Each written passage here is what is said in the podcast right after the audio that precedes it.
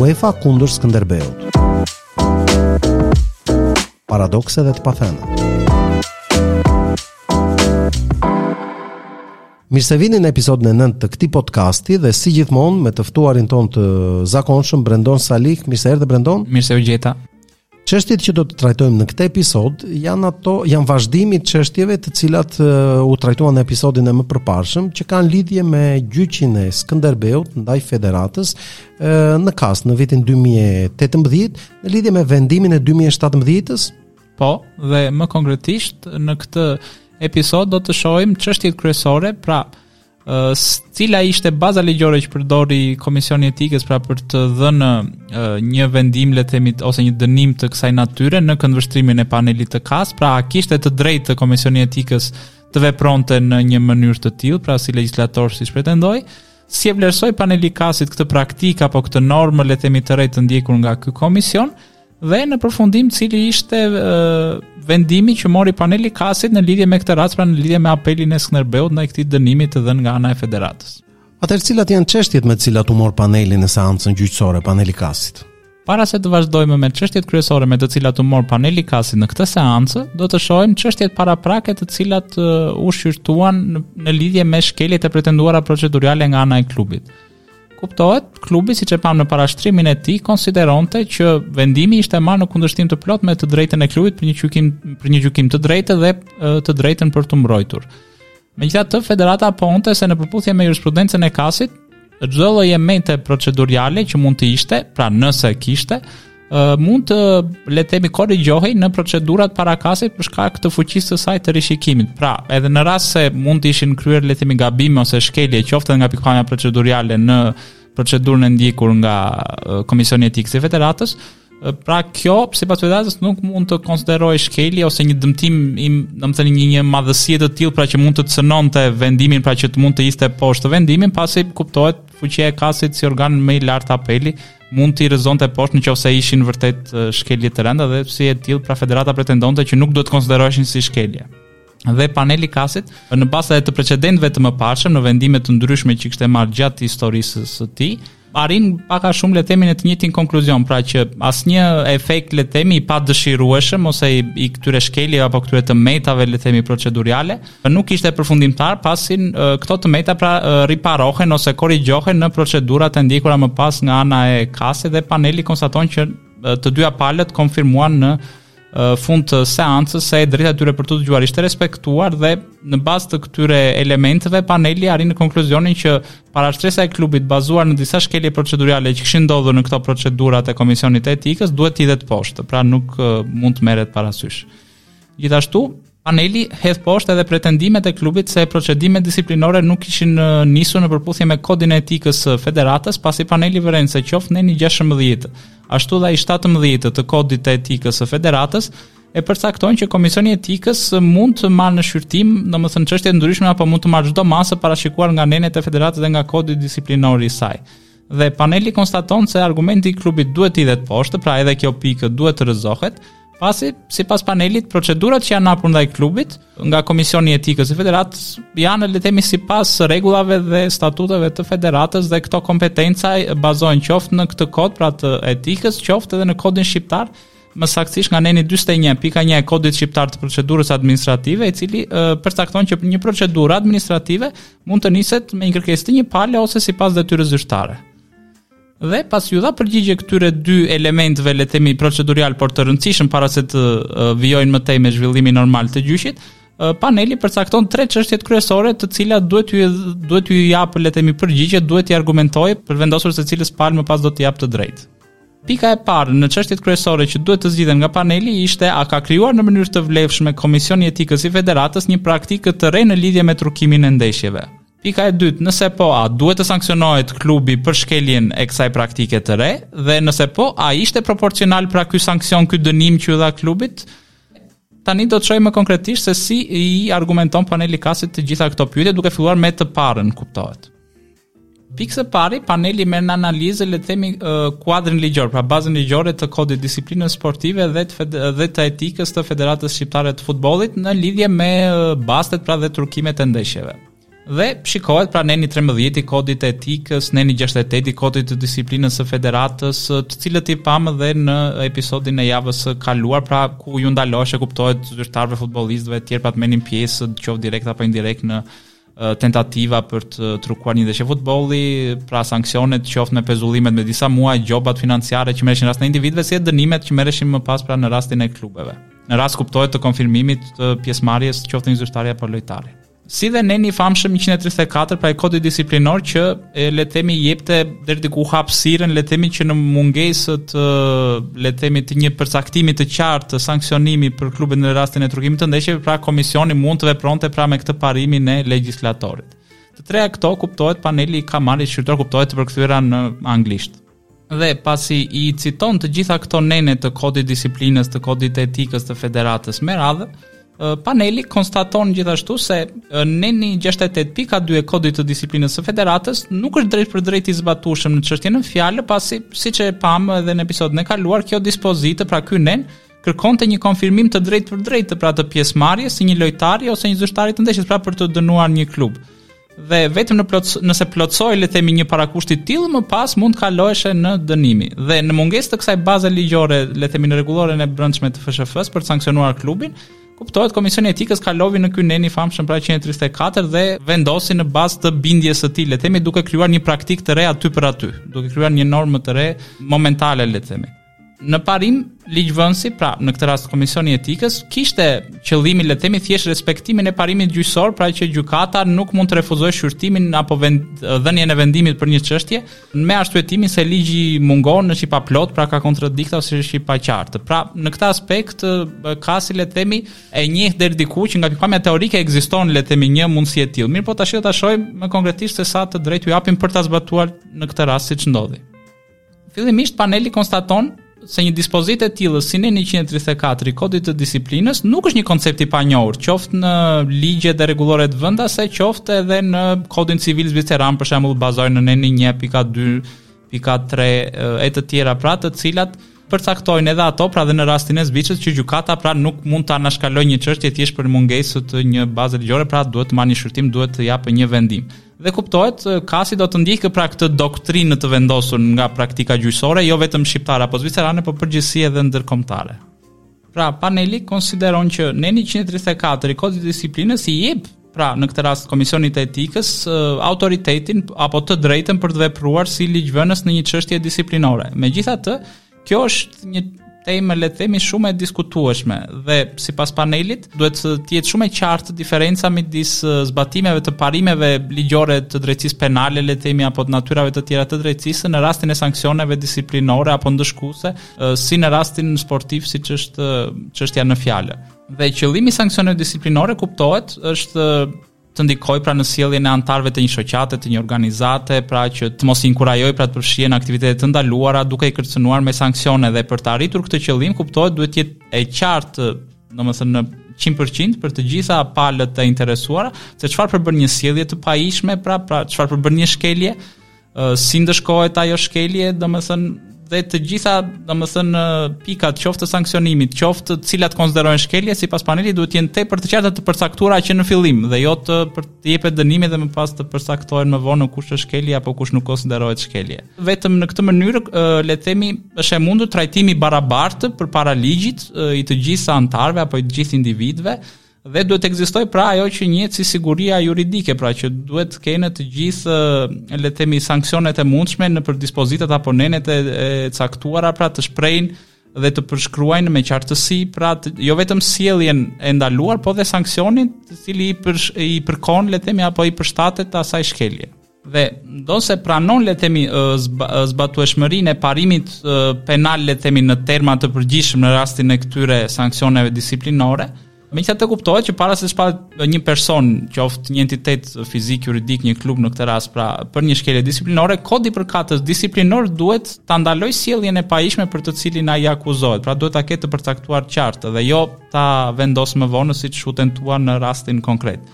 Dhe sipas mendimit të panelit mjafton që sjellja e ndaluar le të themi apo shkelja e pretenduar të jetë e mbuluar nga rregullat përkatëse dhe sanksioni i zbatueshëm për një sjellje të tillë të jetë i përcaktueshëm qoftë edhe me interpretim. Pra mjafton që të jetë e qartë në ta zëmë të kishte qenë e qartë në rastin konkret në kodin e disiplinës të federatës apo të etikës Më përpara pra që raportet e BFDS-së do të merreshin në shqyrtim si prova apo të ekzistonte le të themi një precedent i mëparshëm lidhje me këto çështje, siç ndodh zakonisht në një procedurë normale gjyqësore, dhe kuptohet Komisioni i Etikës do të kishte pasur të drejtë ta përdorte atë, po mirëpo meqenëse nuk kishte pasur as precedent dhe as kodi i disiplinës, as i etikës nuk e përcakt, domethënë e përcaktonin qartë, por nuk përcaktonin me këtë lloj natyre provash se cili do të ishte sanksioni i përshtatshëm për të zbatuar, atëherë kuptohet këtu paneli konsideron se hapësira për të vepruar si ligjvënës, pra si legjislatore nga ana e Komisionit të Etikës në këtë procedurë disiplinore është mjaft e vogël. Pra, e pranon nga pikëpamja teorike që ekziston si mundësi që mund të ndodhte,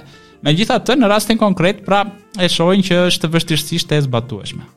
Pra përfundimisht si e vlerësoi paneli i KAS-it këtë praktikë të re të ndjekur nga nga Komisioni i Etikës i Federatës? Fillimisht, siç e pamë në letërkëmbimet para seancës, paneli nuk e kishte le të themi në vendimin e argumentuar, pra në vendimin e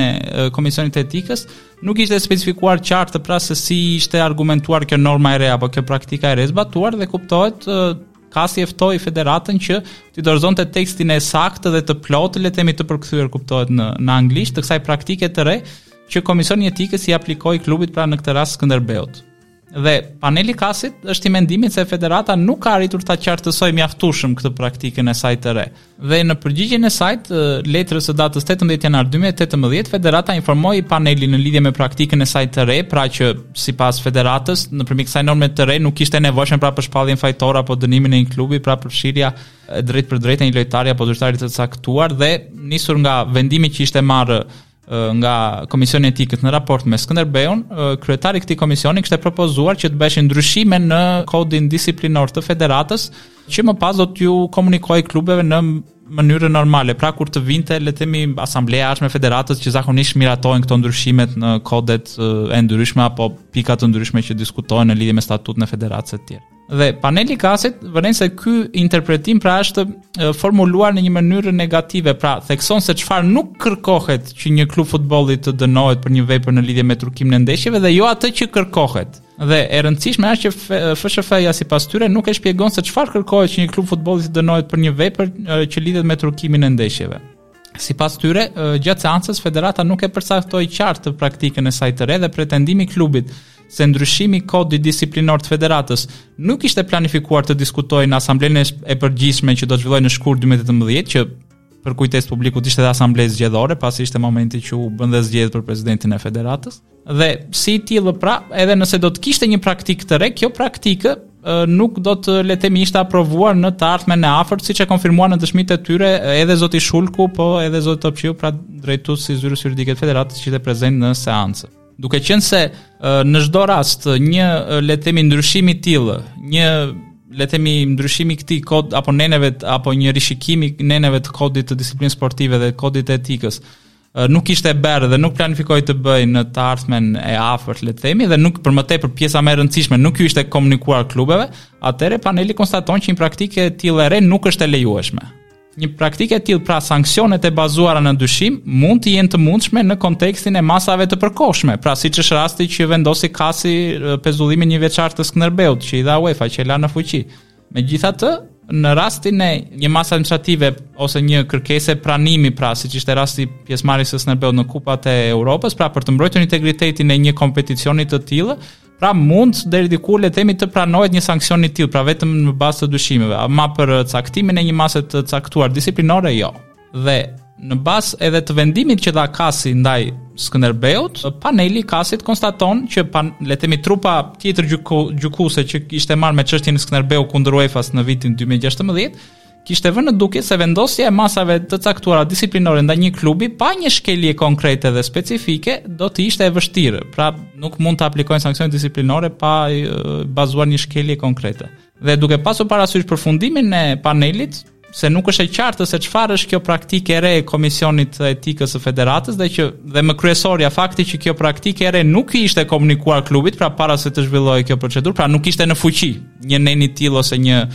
një ndryshim i tillë, le të themi para se të gjykohej klubi, atëherë paneli konstaton se klubi nuk mund të sanksionohet bazuar në këtë praktikë të re dhe duhet të ketë Siguri ligjore, pra për subjektet, për personat që i nënshtrohen një kodi të etikës, siç është rasti i kodit të disiplinës së federatës, dhe këto subjekte apo individë duhet ta dinë se çfarë është kjo praktikë, pra kujt nenesh, kujt kodi i nënshtrohen, kujt cilat pjesë le të themi të këtij kodi i ndëshkojnë apo duhet të zbatojnë. Dhe kjo është edhe më e rëndësishme duke pasur parasysh efektet e rënda që parashikonte sanksioni që i kishte dhënë Federata Skënderbeut. Prandaj paneli nuk e pa të nevojshme të shqyrtojë me detaj raportet e BFDS-së për këto 6 ndeshjet që pretendonte Federata, që ishin le të themi të dyshuara si të trukuara nga ana e Skënderbeut, pasi pranohet vetë në vendimin e Komisionit të Etikës se asnjë provë e drejtpërdrejtë e ndonjë sjellje të ndaluar nga ana e klubit nuk mund të rrjedhë prej tyre dhe nuk mund të nxirret asnjë provë le të themi që do justifikonte sanksionimin e një lojtari apo zyrtari të klubit. Pra nuk u vërtetua përfshirja e drejtpërdrejtë e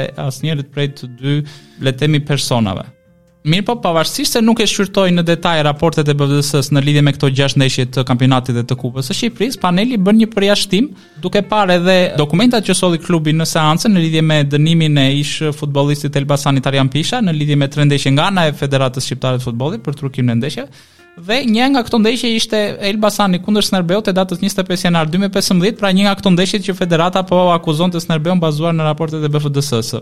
Sipas vetë këtij raporti, kryesisht dyshimet iu referoheshin basteve të dyshimta para ndeshjes që Elbasani pra do ta umbiste këtë ndeshje të paktën me dy gola diferencë përveç domethënë më shumë se 3 gola do shënoheshin në total dhe se kishte pasur pra sipas vetë raportit të BFDS-së një paraqitje të dobët në mbrojtje nga Elbasani. Dhe sipas vetë panelit të kasit në këtë raport të BFDS-së për klubin I vetmi aludim ishte historia e dyshimtë e tij, pra nuk akuzohej Skënderbeu, le të themi drejt për drejt në këtë rast. Po dyshimet më të shumta, siç e shohim, pra binin mbi Elbasanin dhe duke pasur parasysh dhe faktin se zoti Arjan Pisha, pra fut, ish fut, në atë moment ish futbollist, por në 2015-ën futbollist i Elbasanit ishte sanksionuar për